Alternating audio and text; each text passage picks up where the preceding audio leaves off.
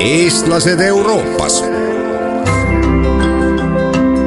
saade valmib koostöös Euroopa Komisjoni Eesti esindusega tere, saates Eestlased Euroopas tutvustame sel nädalal Luksemburgis asuvas Euroopa Kontrollikojas töötavaid Eesti inimesi.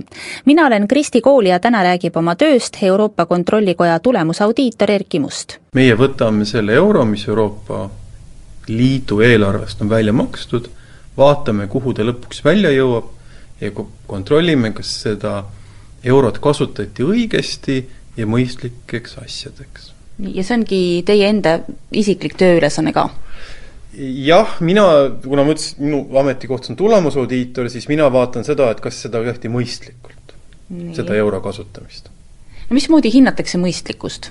no tegelikult me võime seda teha noh, väga keeruliselt, me võime rääkida siin riskianalüüsidest, me võime rääkida ähm, noh, tulemuskriteeriumitest, aga tegelikult olgem ausad, ikkagi noh, inglise keeles on see väljend common sense, siis eesti keeles võiks öelda, et et nagu ratsionaalne mõte ju tegelikult saab aru, kas see oli mõistlik kasutus või mitte. no ma toon näite, minu viimane tööülesanne puudutas teede ehitamise auditit ja, ja hoolimata sellest, et meil ei olnud väga palju kriteeriume, kui sa arvestad välja ühe tee maksumuse kasutaja kohta, siis ju ilmselgelt tulevad välja need teed, mis on ehitatud liiga uhked selleks, et noh, neid oleks ka, saaks mõistlikuks rahakasutuseks pidada. nii et selles osas meil on oma metoodikad, me arvestame, me jõuame järeldusteni ja esitame need järeldused aruande vormis. ja tegelikult te vaatate neid siis nagu liikmesriikide kaupa siis, need olid ju kellegi riigiteed, mida te viimati auditeerisite?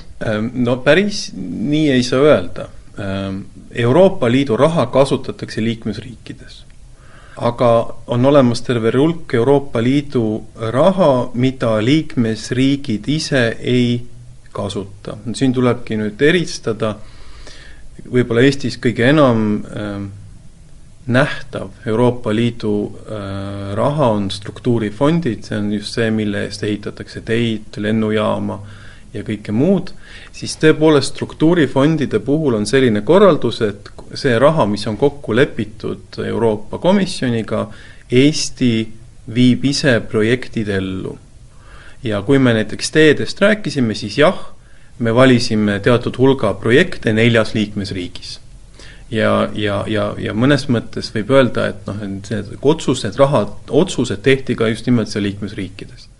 lisaks sellele on olemas komisjonil veel mõningaid programme, nagu näiteks palju räägitud Erasmus või, või Leonardo ja, ja nii edasi, kus tegelikult Euroopa Komisjon ise neid juhib, sinna võib ka tuua teadusprogrammid, Galileo programm, kus Euroopa Liit ise Euroopa Komisjoni näol ongi programmi juht ja kui ka seal liikmesriikides midagi tehakse, siis sellegipoolest Euroopa Komisjon on see, kes vastutab kuni viimase euroni.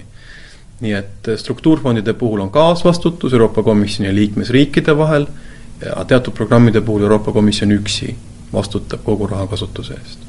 kas on kindlad valdkonnad või programmid, mida te kontrollite või on äh, ära jagatud nii, et sel aastas te teete nii ja nii mitu auditit, kuidas ja kui palju te kontrollite? Euroopa Kontrollikoda on ise jaotatud valdkondade põhiselt. kontrollikojas on kakskümmend seitse, nüüd juulikuust kakskümmend kaheksa liiget, üks igast riigist, ja need liikmed on jagatud äh, viide teemavaldkonnaga seotud kambrisse. Võib-olla kõige olulisemad on põllumajandus, on üks, ütleme niimoodi, et põllumajandusega töötab um-, üle saja inimese ja nad sisemiselt jaotuvad finantsaudiitoriteks, tulemusaudiitoriteks ja tulemusaudiitorid veel valdkondade kaupa. mina töötan teises kambris ja teises kambris tegeleme me just nimelt selle struktuurfondidega ja tulemusauditit me teeme kolmes valdkonnas, transport, energia, see on nüüd see osakond, kus mina töötan, e, inimressursid, mis te tegeleb põhiliselt Euroopa Sotsiaalfondiga, ja keskkond, mis tegeleb siis keskkonnateemaliste struktuurfondidega. aga lisaks on veel näiteks meil eraldi kamber välisabi jaoks, Euroopa Liidu välisabi kolmandale maailmale, ja, ja siis veel ka finants ja muude teen-, teemade jaoks, mis, mis seonduvad Euroopa Liidu eelarvega.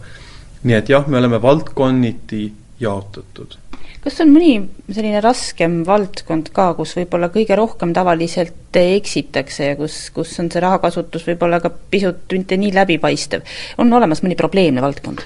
no Euroopa Kontrollikoja aastaaruanne püüab igal aastal kõikidele valdkondadele anda, määrata veaprotsendi. ja ma nüüd ei hakka neid numbreid ütlema, kuid ma võin öelda, et läbi aastate seesama struktuurfondide valdkond on kõige suurema veaprotsendiga olnud rääkige oma lugu, kuidas te selle töö peale sattusite? ma tegelikult olin Eestis esimese oma tööna ülikooli lõpetamise järel Riigikontrollis kolm aastat tulemusaudiitor.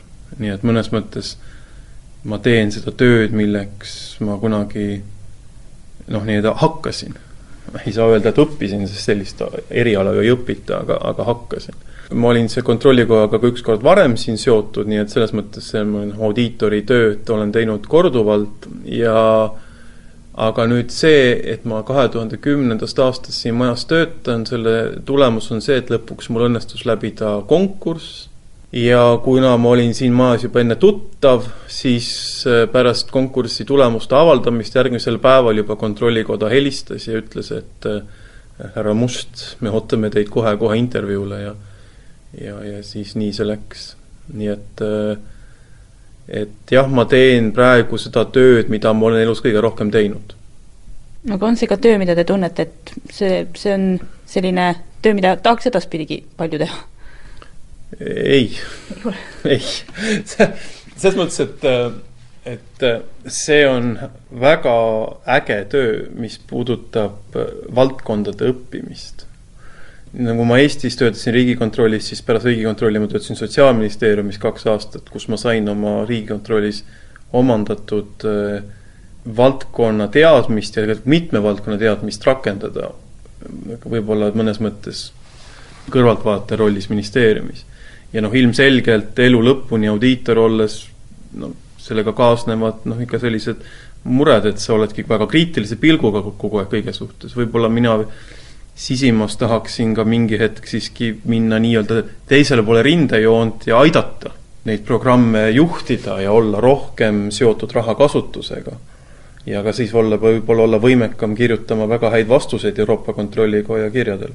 et see, selles suhtes äh, ma ei võta seda tööd sugugi noh, nii-öelda, et see on minu elu kutsumus, küll aga ma ütlen, et see töö on väga huvitav. ja, ja see, mida me siin teeme, on, on noh, ka mõnes mõttes vajalik sest äh, hoolimata sellest, et inimesed oma loomult on õnnelikud ja head, äh, sellegipoolest see nii-öelda kontrollisüsteem, eriti rahade kasutamise suhtes, on mööda, möödapääsmatu. Te olete ametnik, milline on ametniku elu siin Luksemburgis? ma olen Euroopa Liidu ametnik ja ilmselt Euroopa Liidu ametniku töö Luksemburgis on umbes sarnane, kui ta oleks ka Vareses Itaalias või Brüsselis või mujal, võib-olla Luksemburgi muudab just see koha eripära teistsuguseks. Et me oleme kõik ametnikud siin ühes kvartalis, et me käime kõik tihedalt läbi, majad on, meie jaoks võib-olla ei olegi need nii-öelda asutused, vaid majad, et kui me lähme Jean Monnet majja, siis ma ei defineeri seda kui Euroopa Komisjoni maja. et me lähme Konrad Adenaueri majja, siis ma ei defineeri seda kui Euroopa Parlamendi hoonet, et, et, et sellegipoolest äh, kompaktsem, see Luksemburgi õhkkond on kompaktsem võrreldes, võrreldes Brüsseliga. et kui Brüsselis on majadel numbrid, Buu viis, Buu üksteist, Dõmm kakskümmend kaheksa, siis Luksemburgis on neil nimed. ainukene erine-, e-, ainukene, kes siin erineb, on meie oma kontrollikoda, kelle majad on K1, K2 ja K3, mis on ääretult äh, ebainnovatiivne. aga, aga ülejäänud majadel on ilusad nimed, jah. see loob sellise nagu ülikooli natuke niisuguse ülikooli õhkkonna, et et ka ülikoolid oli majadel nimed ja siis sa käisid ühest majast teise, nii et selles mõttes on jah, see mõnes mõttes noh, olles siin Luksemburgis, olles siin oma kvartalis, eks ta tegelikult natukene sellise noh, no ma ei taha öelda vangla, aga just nimelt see ülikooli õhkkond tekibki, et me oleme siin niisugune kolledž, niisugune Cambridge'i kolledž oma teatud müüri taga ja siin käime oma rohel, rohelises aasas ringi ja suht käime ühe professori juurest teise juurde.